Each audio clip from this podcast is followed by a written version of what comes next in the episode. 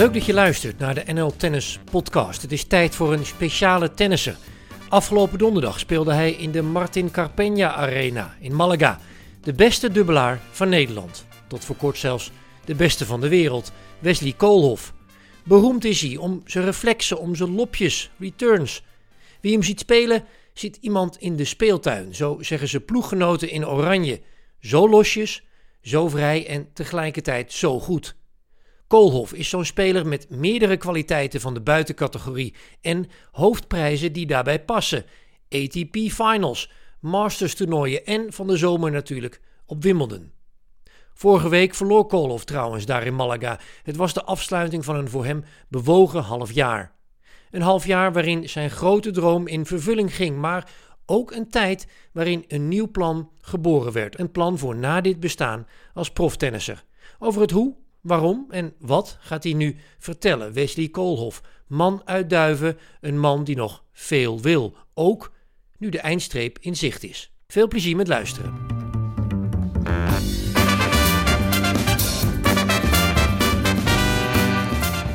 Leg je de lat hoog voor jezelf? Ja, het legt de lat altijd wel hoog, natuurlijk. Goed, we hebben zeker als doelstelling gezegd, nou, dit jaar moet minimaal één slam gewonnen worden. Um, afgelopen jaar waren we er dichtbij op de US Open natuurlijk, omdat we finale daar verloren. Maar nee, de doelstelling was echt om een beetje ja, te shiften zeg maar, van de Masters Series en de 500 naar het, naar het winnen van een, van een slam. Nou, natuurlijk op Wimbledon uh, gedaan. Um, ja, ze een beetje soort van afvinken, afvinkmomentje, omdat je natuurlijk lang tegenaan hebt uh, gehikt. Al twee keer eerder US Open finale gehaald en, en helaas verloren. Dus dit was wel even, dit was wel even lekker. Um, maar goed, ja, het is een, eh, een prima jaar geweest. Um, en um, ja, kijken of we die volgend jaar minimaal weer zo kunnen gaan doen. Op wat voor manier zou je zeggen, heeft een Grand Slam titel jou uh, veranderd? ik denk, ja, de Grand Slam winnen, Wimbledon natuurlijk wel ja, een doelstelling geweest natuurlijk, daar, daarvoor tennisje om, om een Grand Slam te winnen. Natuurlijk het grootste moment voor mij was al in, in 2020 natuurlijk in, in Londen winnen. De Nitto ATP Finals. Maar ja, het was zo'n doelstelling van ons dit jaar om, om en ook persoonlijk natuurlijk, om... Uh, we spraken elkaar eerder natuurlijk in, in Zetogenbos in Rosmalen voor... Uh, voor Wimbledon. En um, ja, daar sprak ik uit dat ik... Um, ik had nog nooit op, Wimbledon, of nooit op centercourt gestaan in Wimbledon. Ook nog niet eens baan 1. Dus het was altijd wel een doelstelling in de afgelopen jaren... om daar in ieder geval een wedstrijd sowieso te spelen. Ongeacht het resultaat. Um, ja, dat we dat nu in de halve finale op baan 1 uh, speelden en wonnen. En natuurlijk de finale wonnen op, uh, op centercourt. Dat was sowieso al een, uh, een droom natuurlijk om, om dat, daar te staan en uiteindelijk te winnen. Ik denk dat het persoonlijk... Um, ja, het is, een afvinkmomentje natuurlijk. Dat je dat zo graag wilt. Um, en daarna was het wel even, vond ik het wel even zwaar eigenlijk. Um, daarna ja, een, paar, een paar weken thuis geweest, bewust ook. Maar wat toernooien overgeslagen om er gewoon even rustig aan te doen. En, de Nitto Finals hadden we dan al behaald natuurlijk met het winnen van, van Wimbledon. Dat je dan automatisch uh, uh, gekwalificeerd voor bent. dus we konden ook wat, wat, wat ja, tijd thuis doorbrengen en even, even geen um, ehm, 250 spelen. Um, ja, dat deed me eigenlijk best goed, even thuis zijn. Daar natuurlijk weer naar, naar um, Amerika om de hele trip te doen. Daar had ik wel wat zwaarder om een beetje weer de motivatie terug te krijgen. Omdat het echt zo'n, ja, wat ik zei, afvinkmomentje was. Dat je waar je lang tegenaan hebt gehikt en dat het dan eindelijk lukt. En dat het een beetje nou ja, last van je schouders afvalt. Dus daarna wel een beetje wat, ja, wat meer wat moeite gehad. Maar ik denk, ja, persoonlijk heeft het me niet veel veranderd, denk ik. En wat doet het met, jou, met jouw motivatie, met, jou, met jouw doelen? Ja, een beetje ja, wat anders. Lang tegenaan ik natuurlijk veel, al een aantal keren Grand Slam finale gehaald. Um, dus zeker toen tijdens de Amerika-trip Cincinnati en, um, en Toronto en ook de US Open. En de US Open was ik een beetje ziekjes, dus dat was wat lastiger. maar ja, een beetje daar een beetje gereflecteerd of wat ik nou eigenlijk wil doen aankomend jaar of de jaren daarna. Met tennis natuurlijk. Ik heb een goede thuissituatie waarin ik ook ja, um, uh, graag thuis ben natuurlijk. Dus daar een beetje op gereflecteerd. En ja, toen wel, wel tot de beslissing gekomen of besluit gekomen om aankomend jaar mijn laatste jaar te, te doen op de Tour. die uh, ja, duurt natuurlijk eventjes om dat, helemaal zo uit te spreken. Natuurlijk, je kan wel in je, gedachten hebben, maar als je het helemaal uitspreekt is het toch wat anders. dus nee, ja, goed, aankomend jaar inderdaad mijn laatste uh, laatste jaar. En daarna ja, tijd voor, uh, voor wat anders, denk ik. Um, dat heeft denk ik die, die slam winnen in, in, in Londen op Wimbledon toch wel ja, mee geholpen. Veel, eigenlijk alles wel bereikt wat ik zou willen bereiken. Um, er staan natuurlijk nog altijd Davis Cup en de Olympische Spelen natuurlijk op programma. Het zou mooi zijn om daar uh, in ieder geval ook een gooi te doen naar de, naar de hoofdprijs. Um, maar um, nee, ik heb, uh, ja, zoals ik zei, als ik het een beetje uit kan spreken zo, dan heb ik er wel vrede mee. En uh, ga ik nog één keer, nog één keer aankomend jaar knallen. Het is natuurlijk niet zomaar wat, dat, die woorden gebruiken. Je, hebt, je hebt lang gewerkt voor waar je nu staat. Hoe is het om, om dan uit te spreken dat je daar uh, ja, mee gaat stoppen? Um, ja, lastig. Je weet natuurlijk nooit. Um, goed, je krijgt natuurlijk vaak de vraag van, nou goed, tot wanneer kan je spelen? Dubbelaar speelt toch wel tot een 38, 39ste. Nou, je hebt Roland Bopanna er ertussen lopen, die is al 42, 43 en die speelt het beste tennis van zijn leven. Um, en heel knap hoe je dat doet. Je heeft ook gewoon een, uh, een vrouw en, uh, en, een kind thuis. En uh, het is natuurlijk ook gewoon 30 tot 33 weken per jaar, per jaar weg. Um, ik vind altijd wel als ik het. Natuurlijk heb ik ook natuurlijk de wens om, om kinderen te krijgen. En, en dan vind ik altijd dat ik het. Ja, persoonlijk vind ik het denk ik zwaar als um, Julia, mijn vriendin, thuis zit en zwanger is. En dat ik dan weg ben om, om te tennissen. En dat ja, zij alles alleen moet doen. Dan voel ik mij toch een beetje bezwaard, denk ik. dus vandaar uh, mocht het natuurlijk lukken om, uh, om überhaupt kinderen te krijgen. Dat ik daar gewoon thuis ben, dat ik voor haar kan zorgen. Um, en er zijn natuurlijk ook wat spelers die, um, bijvoorbeeld een Granola Ceballos, die spelen eigenlijk maar 16, 17 weken per jaar. Omdat ze liever ook thuis willen zijn met, met de kinderen en met de familie. ja, dat, dat vind ik ook lastig, denk ik. Ik denk, als ik echt voor ga om, om nog door te gaan met tennissen, dan wil ik echt er volledig voor gaan en 100% focus daarvoor te hebben. Om vervolgens, uh, nou ja, wat is het, 30 tot 35 weken uh, te spelen. En ja, dan vind ik het moeilijk om maar 15, 16 toernooitjes te spelen. Um, dus vandaar um, uh, ja, eigenlijk gewoon besloten om, om nog één keer ervoor voor te gaan aankomend jaar. En ja, het voelde best goed om het zo te, te kunnen zeggen. Natuurlijk mensen, niet iedereen weet het nog. Nou ja, misschien nu iets, iets meer mensen natuurlijk. Maar ja, toch wel wat rare blikken gekregen. Om te zeggen, oké, je bent pas 34 en eigenlijk afgelopen jaar natuurlijk nummer 1 van de wereld geworden pas. En waarom? En ja, goed, het is ja, persoonlijk iets natuurlijk. En, Um, maar het is wel een beetje, denk ik, ja goed, het is wel een opluchting om het dan zo te, te zeggen. En het niet meer zelf voor, je, voor jezelf te houden en dat je het een beetje kan delen. Dus um, nee, ik ben benieuwd hoe het aankomend jaar gaat. Maar ik denk zeker dat, ik, dat mijn prestaties op de baan niet, niet minder daarvoor van zullen worden. Wanneer kwam de gedachte voor het eerst bij je op?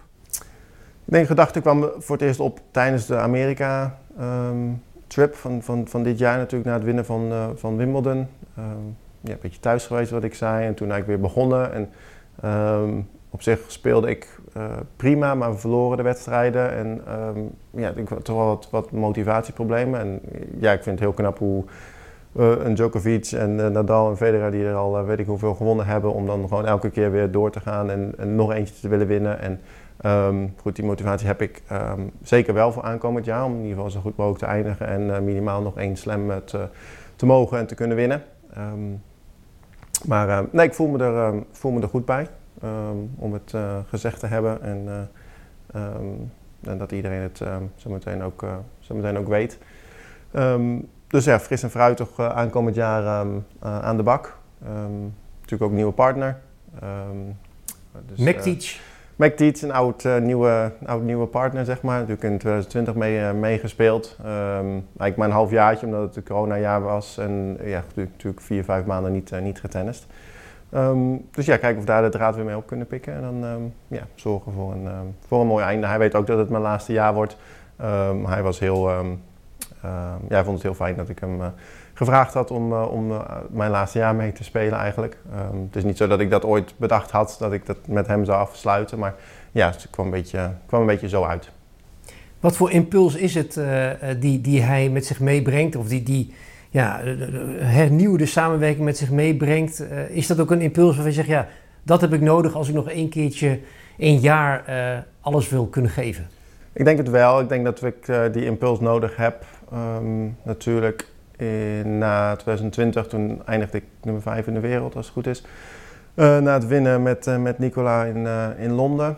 Um, en toen eigenlijk 2021 was een, was een, ja, gewoon een slecht jaar natuurlijk. Um, nou, Nicola gooide mij eigenlijk aan de kant toen aan het eind van het jaar, net voor de finals. Dat was een koude douche. Dat was zeker een koude douche, natuurlijk omdat het heel laat in het seizoen was. En het natuurlijk heel moeilijk is om dan nog even een, nieuwe goede partner te vinden die ook goed bij je past.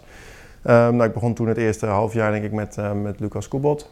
wat op papier gewoon een hele goede tennisser was. Was nummer weet het niet eens, nummer vier volgens mij van de wereld. Wereldtopper toch? Uh, ja, Grand Slams gewonnen. Dus um, zeker voor de eerste week van december om dan nog met zo'n goed iemand uh, een samenwerking aan te kunnen gaan was... Ja, gebeurt niet altijd, gebeurt niet, gebeurt niet elk jaar. Uh, alleen ja, dat, goed, dat klikte niet echt. goede tennisser, um, goed persoon naast de baan. Alleen op de baan klikte het niet helemaal. Dus het was een beetje een struggle momentje. daar natuurlijk met, met Jean-Julien gespeeld, het tweede half jaar. Ehm, dat klikte beter. Ehm, alleen waren de resultaten niet, uh, niet geweldig. Ehm, dus ja, toen, ik weet niet hoeveel ik eindigde in dat jaar, maar volgens mij rond de 25, 30 denk ik zo'n beetje. En toen, toen had ik al een idee van, ik weet niet of ik dit nog wel wil eigenlijk, om, om zo door te gaan. Um, we hadden natuurlijk veel coronaregels nog en uh, gedoe met reizen en met uh, weet ik hoeveel papieren je mee moest nemen om überhaupt te, mogen reizen. En uh, de bubbels en je hotel niet uit mogen. Om... Dus het was wel, ja, veel tennissers hadden het zwaar op dat moment. En hadden ook een aantal gezegd van, nou, ik, stop, er, ik stop ermee. waaronder mijn, mijn vriendin toen. Um, dus toen had ik wel nagedacht van, oké, nou ja, goed. Of ik stop er nu helemaal mee en ik vind het mooi geweest. Of ik ga het nog één keer proberen, maar dan ga ik alles overboord gooien. Um, toen heb ik natuurlijk Marco Kroes, mijn coach, op dat moment eruit gegooid, waar ik al 7, 8 jaar bij zat. Nou, toen die samenwerking gestopt. Ook met, um, met Jules gestopt. Um, toen met Niels Kupski natuurlijk verder gegaan. om gewoon een, een, heel nieuw team om me heen gebouwd eigenlijk. Met, met twee nieuwe coaches, Rob Morgan en Marius Viersterberg. ja, toen vond ik het eigenlijk het plezier weer terug. Uh, toen hadden we natuurlijk ook een geweldige start. De resultaten helpen natuurlijk mee. Maar de eerste 13 wedstrijden die, die wonnen we met twee ATP-titels al. Um, ja, de rest natuurlijk is een beetje geschiedenis en iedereen kent dat wel, hoe we, hoe we gespeeld hebben afgelopen jaar. Dus ja, daar voelde ik wel een, een soort van nieuw vers bloed, verse wind. Um, en Rob Morgan was toen coach van Ram Salisbury. Dus die kijkt dan toch van een tegenstander uh, point of view, zeg maar, tegen mij aan. Dus die weet ook van, nou, oké, we, we, weten dat dit iets minder is bij jou, dus we hebben je geprobeerd daarop te pakken. Nou goed, als je dat nu in één keer van jouw eigen coach hoort, van, nou oké, um, hoe waar ik aan moet gaan werken.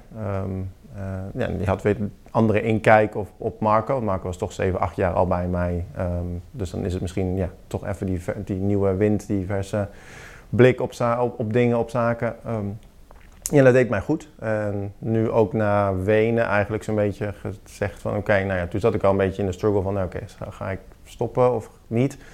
En toen zei ik van nou, oké, als, ik, als ik aankomend jaar gaan stoppen, dan denk ik dat ik nog één keer iets nieuws nodig heb. Een nieuwe partner. Um, om gewoon nieuwe uitdaging te creëren. Ook al ging het eigenlijk heel goed met Neil natuurlijk. Afgelopen jaar nummer 1 geworden. Dit jaar nummer 2 in de teamranking.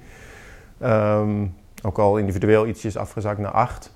Um, ehm, maar goed, ja, goed, op, op de samenwerking was eigenlijk niks, niks mis. Maar goed, toen toch gezegd van, nou goed, ik, ik ga voor wat, uh, voor wat nieuws. het is natuurlijk heel moeilijk om een samenwerking te beëindigen. Normaal gesproken gebeurt dat altijd wel ergens in, het, in, in samenwerking, dat je het ergens beëindigt. Um, en nu ja, bewust gekozen aan het eind van het jaar om um, gewoon wat nieuws, uh, nieuwe uitdaging weer uh, te, te, hebben en er vol voor uh, te kunnen gaan. En niet dat je in een soort van um, ja, stroom wordt meegenomen waarin, ja, waarin je eigenlijk wel comfortabel voelt en dan niet, net niet het uiterste van jezelf kan, kan vragen. Dus, dus ja, weer wat, weer wat nieuws, ook al ken ik hem natuurlijk goed.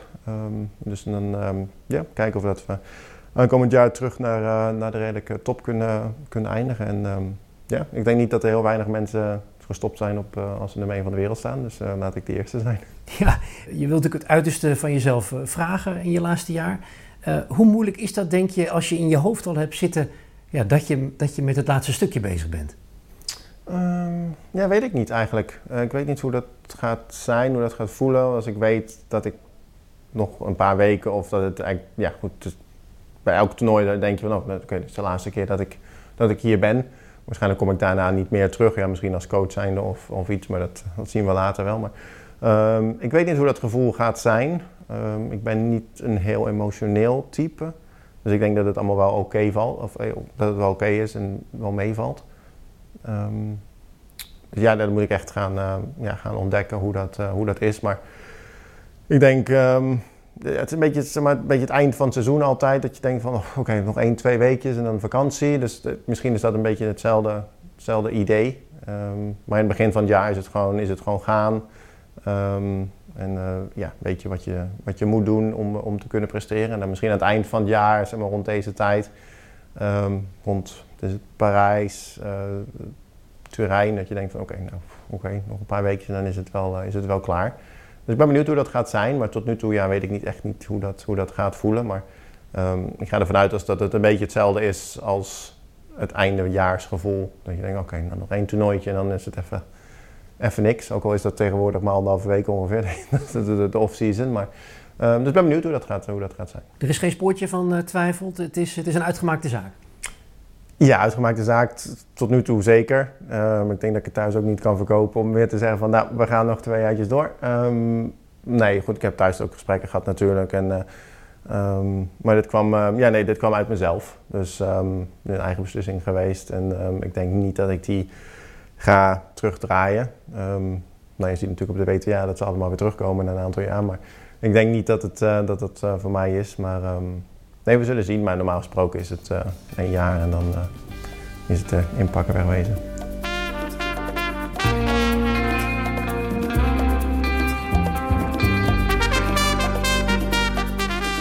inpakken en wegwezen. Heel definitief klonk dat, omdat Wesley Koolhof zei dat. Ook al zei hij het heel droogjes en met die typerende glimlach. Maar het gaat ons aan het hart omdat we zo graag naar Koolhof kijken. Een speler die zo weinig tv-tijd krijgt, omdat die tijd nu eenmaal naar de singelaars gaat. En wat zullen zijn teamgenoten in de Davis Cup hem gaan missen? Natuurlijk vanwege zijn kunde op de baan, maar ook om wie hij is. Om zijn tophumeur. Nog één seizoen, Wesley Koolhof dus. Gaat dat zien zolang het nog kan. De kaartverkoop voor de Davis Cup in Groningen is net begonnen.